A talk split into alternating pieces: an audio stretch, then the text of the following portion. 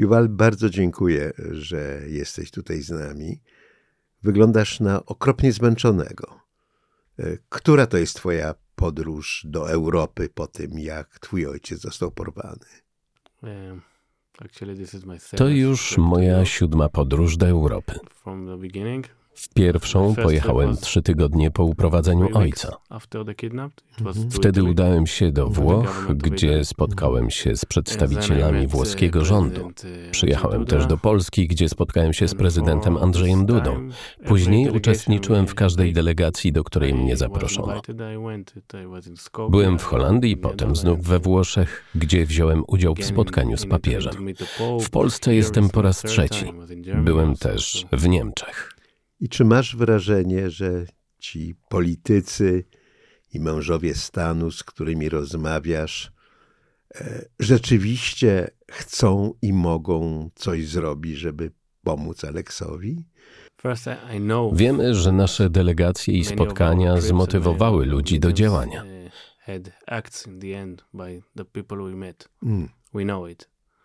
uh, Mam nadzieję, że każda rozmowa coś wnosi. Spotykając się z politykami, nigdy nie wiesz, czy koniec końców rzeczywiście coś zrobią w Twojej sprawie. Mam nadzieję, że po wysłuchaniu naszej historii zrobią wszystko, co w ich mocy. W pewnym sensie, w pewnym paradoksalnym sensie, to jest kontynuacja twojej pracy zawodowej, no bo jesteś ekspertem od logistyki, a teraz usiłujesz przeorganizować świat, żeby wydobyć Aleksa.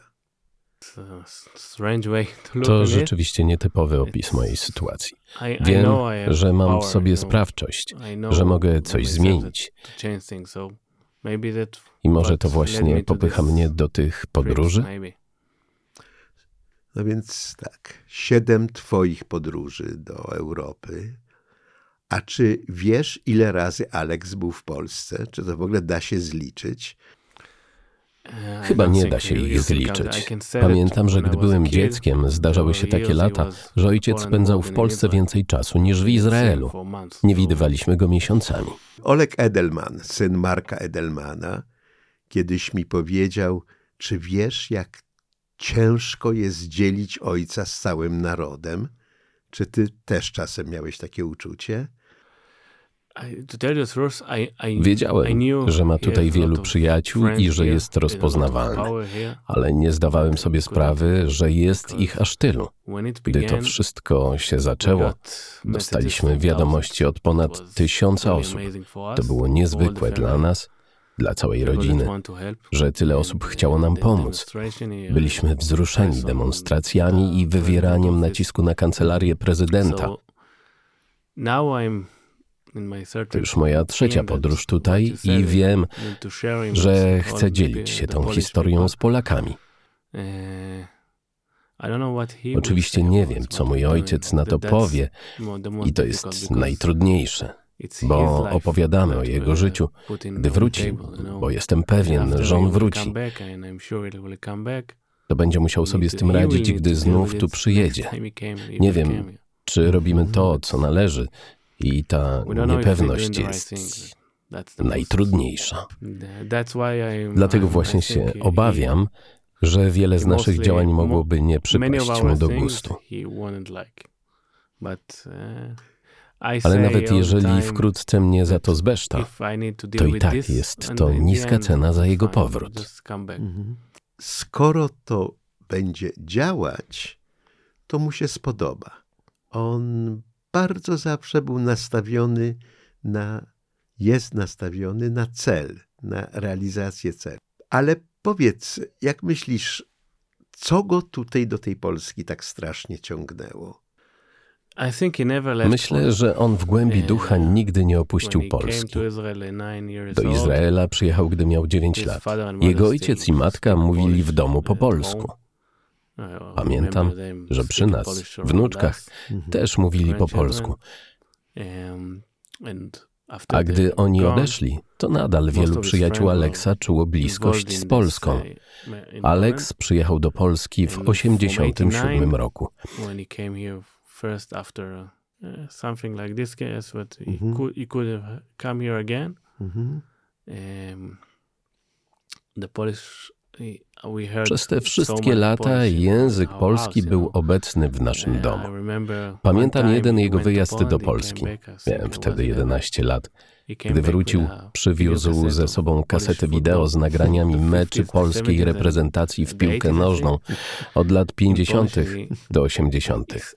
Zgonił nas do dużego pokoju i oznajmił: A teraz uwaga, chcę wam pokazać, jak Polacy grają w piłkę.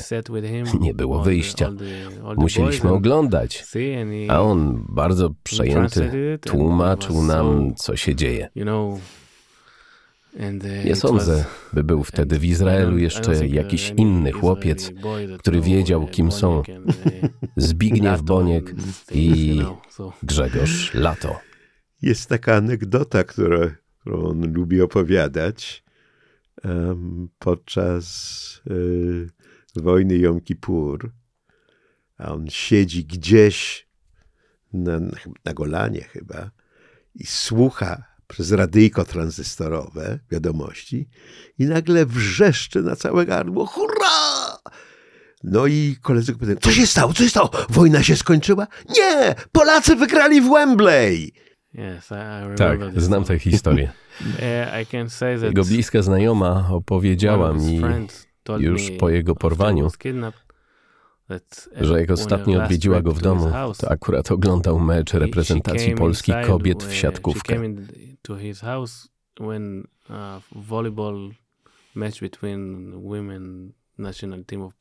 Mhm. Już nie pamięta przeciwko komu grały, ale on oznajmił jej wtedy: Dobrze, zaraz z tobą porozmawiam. Ale najpierw muszę skończyć oglądać mecz. No i musiała obejrzeć ten mecz do końca. To jest cały Alex. Uh, On miał Polskę we krwi. Jest taka anegdota o księciu Otto Habsburgu, austriackim pośle do Parlamentu Europejskiego, którego zapytano, czy zamierza oglądać mecz piłki nożnej Austria-Węgry, a Habsburg odpowiedział: A z kim gramy? Więc tak sobie wyobrażam, że gdyby Aleksa ktoś zapytał, czy będziesz oglądał mecz Polska-Izrael, to też by powiedział: A z kim gramy? Gdy zdarzało nam się oglądać transmisje z Igrzysk Olimpijskich, musieliśmy wybierać, czy oglądamy i kibicujemy reprezentacji Polski, czy Izraela. Alex mawiał wtedy, że oglądamy Polaków, bo ci nasi sportowcy są do niczego. Moglibyśmy teraz godzinami opowiadać o jego miłości do Polski, ale chciałbym cię zapytać twoim zdaniem, skąd to się bierze? No przecież dziewięć lat te, które spędził w Polsce. Nie, nie musiało go naznaczyć na całe życie. On zawsze twierdził, że to było bardzo ważne dziewięć lat i że wszystko pamięta. Tak jak powiedziałem, oni, czyli mój tata, dziadek, babcia i siostra taty nigdy nie wyjechali z Polski. Polska była cały czas obecna w ich domu. Nawet gdy już mieszkał w Kipcu, w jego domu było pełno książek po polsku. Polska kultura towarzyszyła mu cały czas. Dlatego myślę, że wewnętrznie on nigdy nie opuścił Polski. Ale dlaczego? Przecież znam, na pewno ty znasz masę żydowskich rodzin z Polski, które po Alii po prostu nie pielęgnowały żadnych kontaktów z Polską, czy wręcz miały do, do Polski stosunek wrogi, bo zostali z Polski wyrzuceni albo musieli uciekać. Dlaczego z Aleksem było inaczej? Wydaje mi się, że wszystko zaczęło się w domu. Ja niewiele pamiętam, byłem wtedy mały. Wiem z rodzinnych opowieści, że mój dziadek nie chciał wyjeżdżać do Izraela. Chciał zostać tu w Polsce i to bardzo ich naznaczyło. Ale Alex dobrze się czuł w Polsce.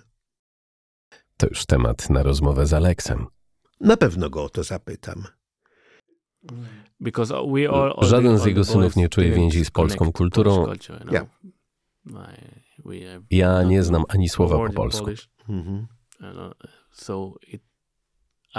Nie wiem skąd u niego tak silne przywiązanie i zaangażowanie.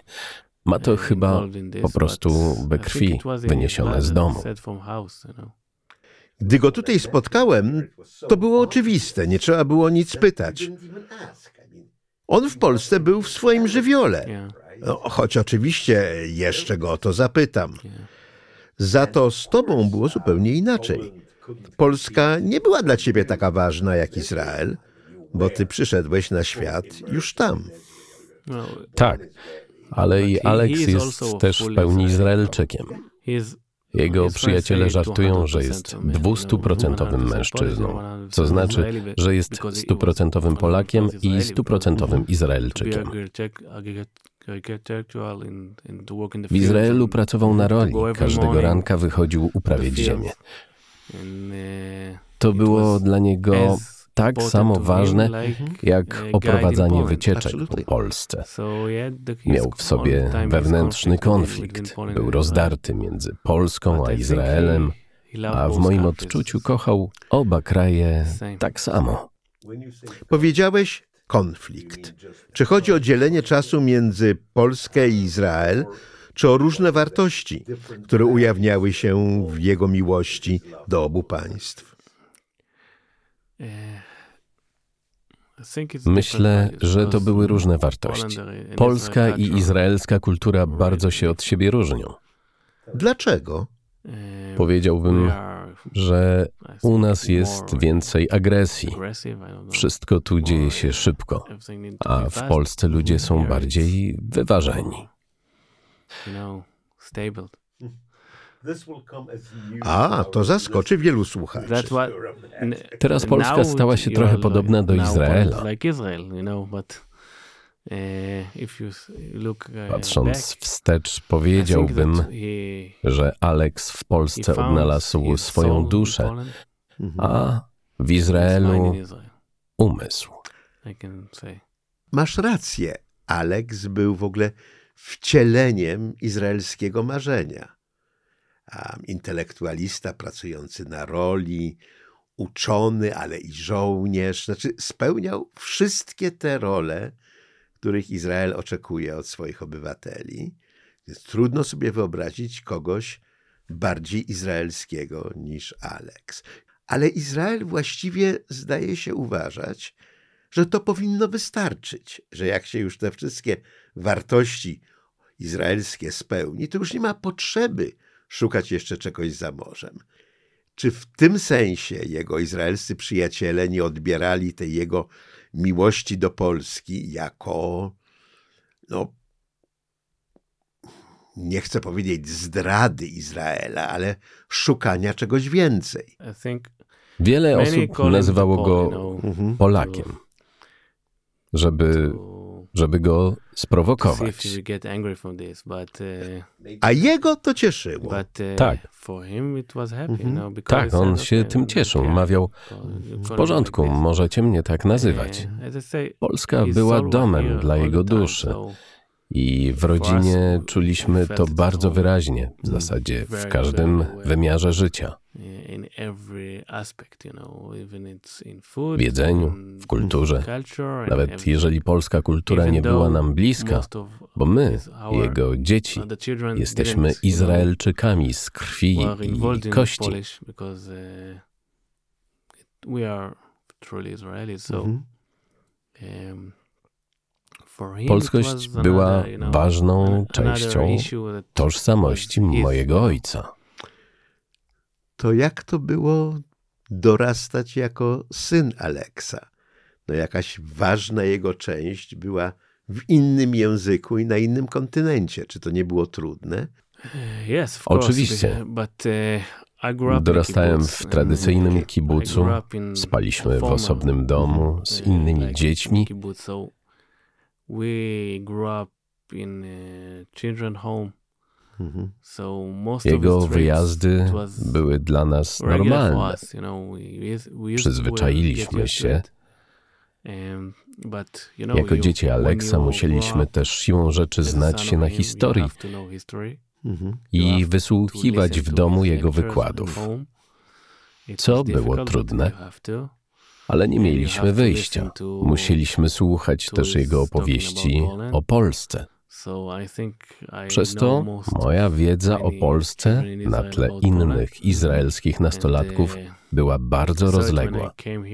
Gdy jako osiemnastolatek przyjechałem do Polski z delegacją izraelskiej młodzieży, to wiedziałem już większość rzeczy, o których on opowiadał naszej grupie.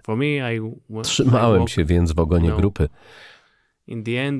a gdy on zapytał się mnie, dlaczego mnie w ogóle nie słuchasz, odparłem, no bo już mi to wszystko opowiedziałeś. Wydawało się to wszystko znajome. Zgadza się. Zanim przyjechałem tu po raz pierwszy, już dużo słyszałem o Polsce i wiedziałem, czego się spodziewać. Mhm. Czułem się trochę jak w domu. Wiedziałeś, czego się spodziewać, zarówno w sensie pozytywnym, jak i w sensie negatywnym, prawda? Uh, uh, tak to można ująć. To jakie były takie rzeczy pozytywne i negatywne, z którymi ty się zetknąłeś? To trudne pytanie.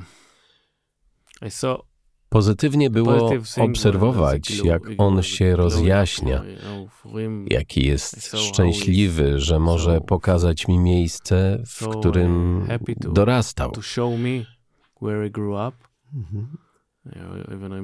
Za każdym razem w porze obiadu, gdy reszta uczestników szła do McDonald'sa, on zabierał mnie do polskiej restauracji i zamawiał swoje ulubione potrawy. Nie smakowały mi, więc chyba to mogę zaliczyć do negatywów.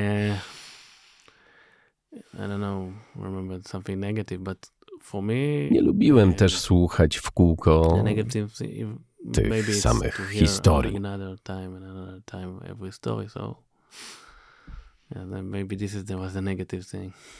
Duże wrażenie na mnie zrobiło, jak Alex kiedyś opowiadał o swojej służbie wojskowej i jak no, na, na prośbę dowódcy pozostał w jednostce. On był spadochroniarzem i mówi, ale ja już nie chcę skakać. No ja jestem dorosły facet, ja mam troje dzieci.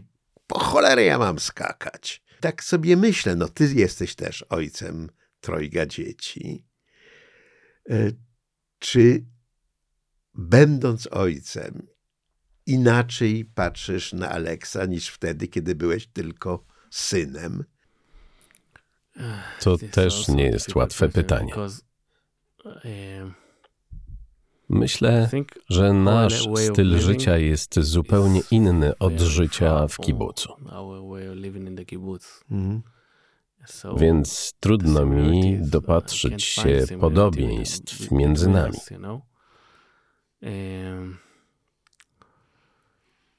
Nie wiem, no, jak odpowiedzieć na to pytanie. Kiedy przyjeżdżasz tutaj, rozmaici ludzie chcą z tobą rozmawiać o Aleksie. Y, I pewnie z tych pytań wyłania się trochę inny obraz Aleksa niż ten twój prywatny. Czy widzisz jakieś różnice?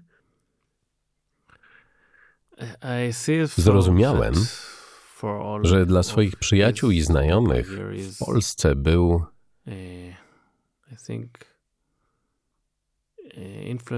nauczycielem. Opowiadali mi, jak się do nich zwracał, z nami rozmawiał inaczej. Nie wiem, jak to ująć. Może dla swoich uczniów był bardziej szorstki. Z rodzinnego doświadczenia wiem, że nie lubi ludzi, którzy myślą inaczej niż on. To samo słyszałem od jego uczniów. Jak już powiedziałem na początku. Największym zaskoczeniem było dla nas, jak wiele osób chciało o nim rozmawiać. On zmienił życie różnym ludziom. No tak mi mówili polscy uczniowie, którzy z nim rozmawiali, którzy, dla których on był pierwszym Izraelczykiem, pierwszym Żydem, którego spotkali. Ja pamiętam przynajmniej dwa razy, kiedy ktoś mówił, on mi zmienił życie. Nie byłeś nigdy zazdrosny o to? Zazdrosny? No. Nie. Jestem raczej wzruszony. I'm glad I'm, it's make us, you know, Każda osoba, którą zainspirował, oznacza dla nas coś dobrego. Nie jestem zazdrosny. On też z całą pewnością w Izraelu wpłynął na bardzo wiele osób. Na Żydów, na Arabów, na Palestyńczyków. Czy dzisiaj po tym koszmarnym porwaniu inaczej myślisz o waszych przyjaźniach z sąsiadami z gazy? E, co ja myślę, czy co on teraz myśli? Co ty myślisz? E, Jego jeszcze zapytamy i wydaje mi się, że wiem, co na to odpowie. Jestem jednak ciekaw, co ty sądzisz. Dla mnie to było zaskoczenie. Ale też czułem, że jeżeli od 20 lat nie reagujemy na ciągłe bombardowania, to w końcu um, stanie się coś złego. Myślę, że większość Palestyńczyków w końcu zapragnie pokoju, bo zrozumieją, że na dłuższą metę nie możemy tak funkcjonować. Naprawdę, mam taką nadzieję, bo ciągłe życie w cieniu wojny to nie życie. Mam nadzieję, że zdarzy się coś, co pozwoli nam żyć w pokoju. Wszyscy mamy tę nadzieję, ale co takiego musi się zdarzyć? Bo przecież wyobrażalne jest, że niektórzy z tych Palestyńczyków, z którymi żeście się zaprzyjaźniali, potem pomogli Hamasowi przygotować tę rzeź. Sądzę, że tak właśnie było. W wielu kibucach nie wiedzieli dokładnie, kto mieszka, w którym domu, ile osób tam spotkają. Musieli mieć informacje z zewnątrz. Mhm. Nie wiemy, jak je zdobyli. Oczywiście służby Izraela to zbadają i podejmą kroki, by to się już nigdy nie powtórzyło. Nie zostaje tylko nadzieja, że Palestyńczycy zrozumieją, że nie możemy tak żyć dalej. Co się musi zdarzyć? To pytanie do polityków. Ja nie wiem. Mnie się wydaje, że już nie chcę słuchać polityków, że dużo bardziej mnie ciekawi to, co ty masz do powiedzenia. Co się musi wydarzyć? Świat musi zrozumieć, że w Izraelu chcemy żyć jak normalni ludzie w innych krajach.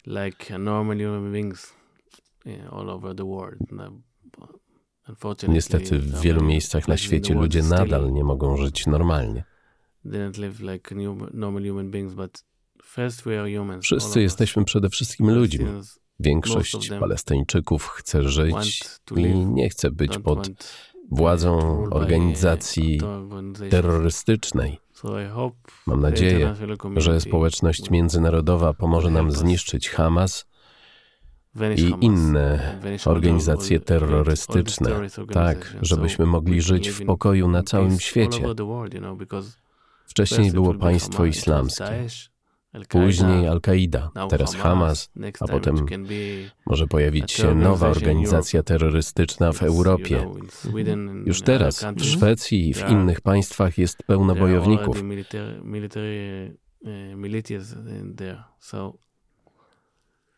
Mam głęboką nadzieję, że społeczność międzynarodowa się obudzi.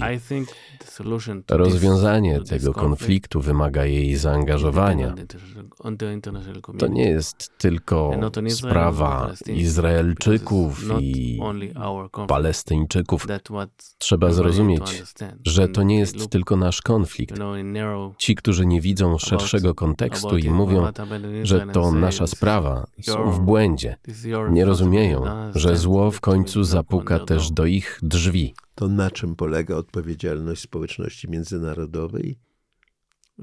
Trzeba wywrzeć nacisk na państwa, które wspierają organizacje terrorystyczne.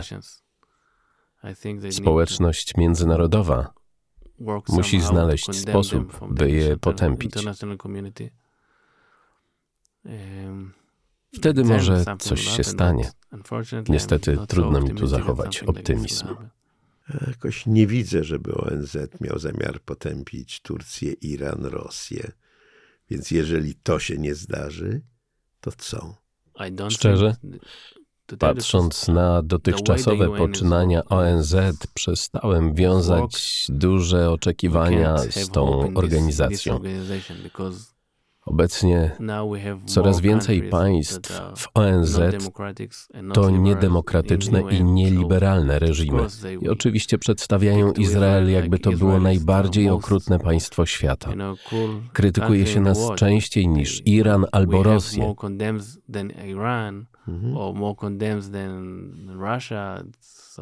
To absurd. Wolny świat musi przemyśleć, jak się na nowo zorganizować different. How to take things different. We are ONZ powstała w 1948 roku. Może no. już czas na zrobienie czegoś inaczej. E, mówisz, że Izrael musi pokonać Hamas i się z Tobą w zupełności zgadzam, ale co ma się zdarzyć w dzień później? Ma powstać państwo palestyńskie? Nie wiem. Musimy znaleźć jakieś rozwiązanie. Trudno mi wybiegać myślą naprzód. Teraz żyję z dnia na dzień. Jeżeli 106 zakładników nie wróci do Izraela albo wrócą w trumnach, to nie wyobrażam sobie dalszego życia w pokoju i bezpieczeństwie w Izraelu. I don't think I don't see how we can live anymore in Israel in peace in security. Chcę, żeby mój ojciec i mój wujek, który też został porwany, wrócili żywi do domu.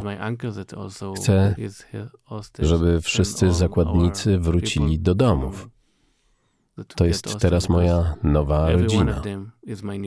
Członkowie rodzin zakładników towarzyszyli im w zagranicznych delegacjach i spotkaniach w Izraelu. Znam ich historię. Teraz wszyscy porwani są dla mnie jak ojcowie, bracia i siostry. Chcę, żeby wrócili do Izraela. Dopiero gdy wrócą, będziemy w stanie na nowo zebrać myśli i zastanowić się, co dalej. Teraz nie potrafię. Ale musisz myśleć o tym, co rząd Izraela robi teraz rząd deklaruje, że dwa cele tej wojny to jest uwolnienie uprowadzonych i zmiażdżenie Hamasu. Czy myślisz, że to są cele, które dają się pogodzić? Przecież nie da się uwolnić uprowadzonych bez jakiegoś dogadania się z Hamasem. Zostaje mi tylko nadzieja, że uda się nam zrealizować oba cele. W przeciwnym razie nie wyobrażam sobie, jak będzie można dalej żyć w Izraelu. Przyszłość naszego kraju zależy od spełnienia obu celów. Mam nadzieję i jestem przekonany, że mój rząd robi wszystko, co może, by zrealizować jeden i drugi cel. Wiedzą, że to na nich spoczywa teraz odpowiedzialność. Nam została tylko nadzieja. No, Halina Birnbaum mówi, że nadzieja umiera ostatnia. Tak, tak się właśnie czujemy. Trwa w nas wewnętrzna walka o to, co jest teraz ważniejsze. Uh, Operacja wojskowa czy porozumienie o uwolnieniu zakładników. Gdybym był przywódcą państwa, to może miałbym na to odpowiedź. Ale jesteśmy zwyczajnymi ludźmi, którzy chcą znów ujrzeć swoich bliskich. Mam już dość wchodzenia w rolę dyplomaty, dziennikarza i już sam nie wiem kogo jeszcze. Tak jak to robiłem przez ostatnie 111 dni. Chcemy wrócić do naszego zwykłego, nudnego życia. Z Twoich ust prosto do uszu Pana Boga. Szwagier Aleksa teraz na granicy z Gazą demonstruje przeciwko pomocy humanitarnej dla Palestyńczyków w Gazie, mówiąc, że to jest absurdalne, że Izrael wysyła żywność, wodę, paliwo, lekarstwa ludziom, którzy dręczą prowadzonych Izraelczyków. Co o tym uważasz? To ogromne rozdarcie. Myślę, że trzeba patrzeć na tę sytuację w szerszym kontekście. Jeżeli do gazy nie trafi pomoc humanitarna ani pomoc międzynarodowa, to co będzie jadł mój ojciec?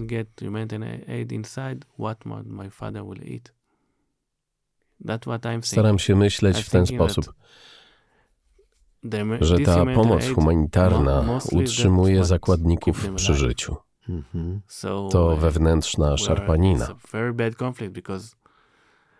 Wielu Palestyńczyków dokonało strasznych czynów w naszym kibucu, a teraz siedzą w korytarzach humanitarnych jak zwykli cywile i dostają wodę i jedzenie po tym, co zrobili. Wierzę jednak, że trzeba widzieć wszystko w szerszym kontekście. Można demonstrować swój sprzeciw. To ważne, żeby on wybrzmiał. Ale tak samo ważne jest dostarczenie pomocy humanitarnej do strefy gazy. Tutaj nie ma jednomyślności społeczności rodzin uprowadzonych. Są ci, którzy mówią, że najważniejsze jest y, zmuszenie Hamasu do do ustępstw. Inni mówią, że najważniejsze jest, żeby wydobyć uprowadzonych, nawet za cenę dużych ustępstw wobec Hamasu. Gdzie ty się mieścisz na, na tym przedziale? Moja odpowiedź być może zabrzmi dziwnie, ale uważam, że wszyscy mają rację. Nikt nie wie, jak zakończyć tę sytuację. Powiem tak: rób to, co Twoim zdaniem pomoże. Jeżeli każdy zastosuje się do tej zasady, to koniec końców coś musi pomóc. Ja staram się wykorzystać popularność mojego ojca do wywarcia presji na społeczność międzynarodową. To jest najważniejsze w tym konflikcie. Nawet w mojej rodzinie każdy z braci ma inne zdanie na temat tego, co należy zrobić. Każdy powinien robić to, co może. Może ja mam rację, może kto inny ma rację. Nie racja mnie tu interesuje. Ważne, żeby działać. Takie mam uczucie, jak rozmawiamy o tym koszmarze tutaj w bezpiecznej Warszawie, jakbyśmy rozmawiali o wydarzeniach na Marsie. Różnica między naszą codziennością i codziennością Izraelczyków i Palestyńczyków jest porażająca. Czy myślisz, że jak się mieszka w bezpiecznej Polsce, to można zrozumieć naturę tego dramatu? Czy to jest no, poza naszą wyobraźnią? To, co zaraz powiem, nie przypadnie wszystkim do gustu. Powiedziałeś bezpieczna Polska, bezpieczna Warszawa. Gdy dzieją się takie rzeczy jak w Izraelu i w Ukrainie i nikt nie reaguje, to na świecie nie ma bezpiecznego miejsca. W którymś momencie ludzie zorientują się, że przez swoją bezczynność znaleźli się w niebezpieczeństwie. Wielu ludzi w Europie nie rozumie, co dzieje się na ich własnym podwórku, a gdy zrozumieją, to będzie za późno.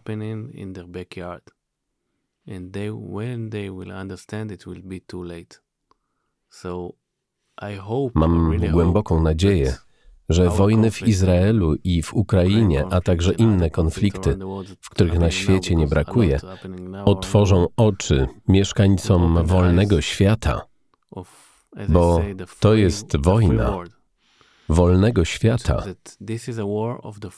ze złem. To masz takie poczucie, że znowu wracają lata 30. XX wieku? Yes, yes. Yes, unfortunately. Niestety tak. Jeżeli się zna historię, a jako syn Aleksa znam historię bardzo dobrze, to widzi się podobieństwo do wydarzeń poprzedzających II wojnę światową. To, co zmierza w naszym kierunku, jest przerażające i mam nadzieję, że jeszcze można to zatrzymać. Wolny świat może to zatrzymać, ale musi najpierw pojąć, co się dzieje. Większość ludzi na świecie chce żyć w pokoju. Jednak jest zbyt wielu przywódców w wielu krajach, którzy chcą wojny.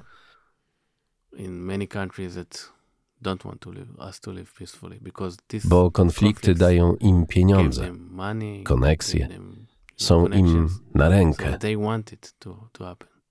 Jak wiemy, do tego, żeby zło zwyciężyło, wystarczy, żeby dobrze ludzie, dobrzy ludzie nie robili nic. To co byś powiedział dobrym ludziom? Co mają robić? Stańcie aktywnie po stronie dobra, a nie zła. Po drugie, zaangażujcie innych. To nieprawda, że wydarzenia w Izraelu nas nie dotyczą, bo dzieją się gdzieś daleko, na Bliskim Wschodzie. Wspierajcie dobro. Nie zaczęliśmy tej wojny, nie chcieliśmy jej. To Hamas przyszedł do nas. Kibuc, w którym dorastałem, 7 października liczył 350 mieszkańców. Ponad 100 z nich zostało zabitych lub uprowadzonych. Wiele zabitych kobiet przed śmiercią zostało zgwałconych. Wiele osób było torturowanych. Dom mojej siostry został podpalony, gdy ona chroniła się w środku.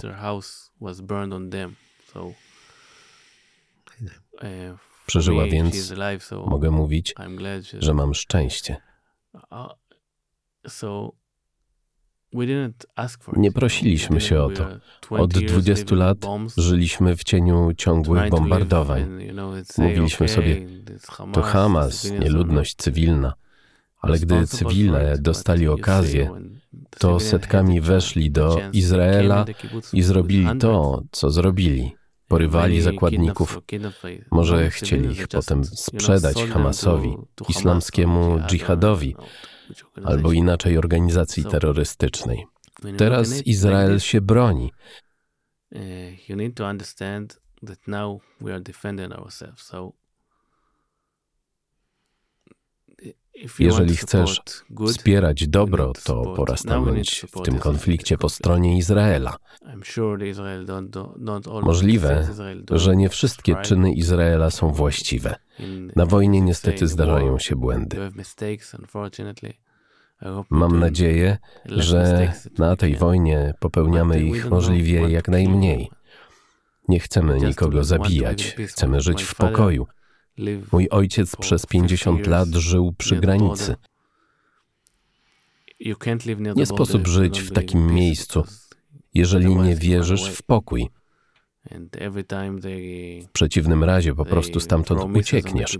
Zawsze, gdy spadały na nas pociski, ojciec mówił, że to nie cywile, tylko Hamas.